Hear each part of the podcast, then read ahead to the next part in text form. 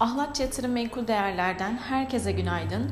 19 Mayıs resmi tatilin ardından döviz kurları haftanın son işlem gününe yükselişle başladılar.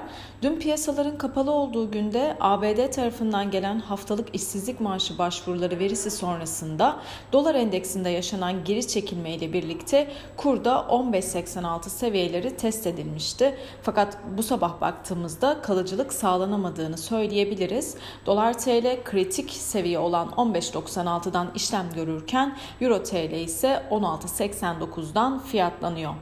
Küresel piyasalarda bu sabah Çin Merkez Bankası'ndan gelen rekor faiz indirimleri piyasalara moral kaynağı oldu diyebiliriz. Çin Merkez Bankası 5 yıllık kredi prim faizini 15 bas puan düşürerek %4,6'dan %4,45'e indirdi.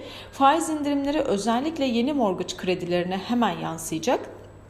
Çin faiz indiriminin ardından piyasalar oldukça iyimser. ABD vadelileri de bu, bu sabah pozitif seyirde fakat bu toparlanmanın kalıcı olup olmayacağı özellikle belirleyici nitelikte diyebiliriz.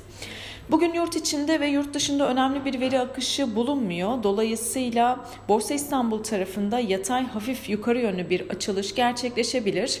E, Garanti Bankası'nın gönüllü çağrısının sonlanması ile birlikte halka açıklık oranı %14 seviyesine geriledi. Buna bağlı olarak hissenin MSCI Türkiye endeksinden çıkartılacağı belirtiliyor.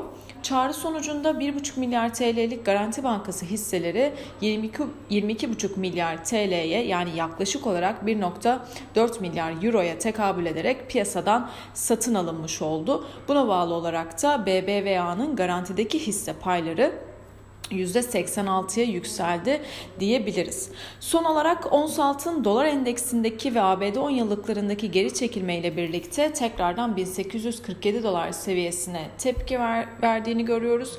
Brent petrolde de bu sabah 110, 110 dolar seviyelerinden işlem gördüğünü söyleyebiliriz. Herkese bol kazançlı güzel bir gün diliyorum.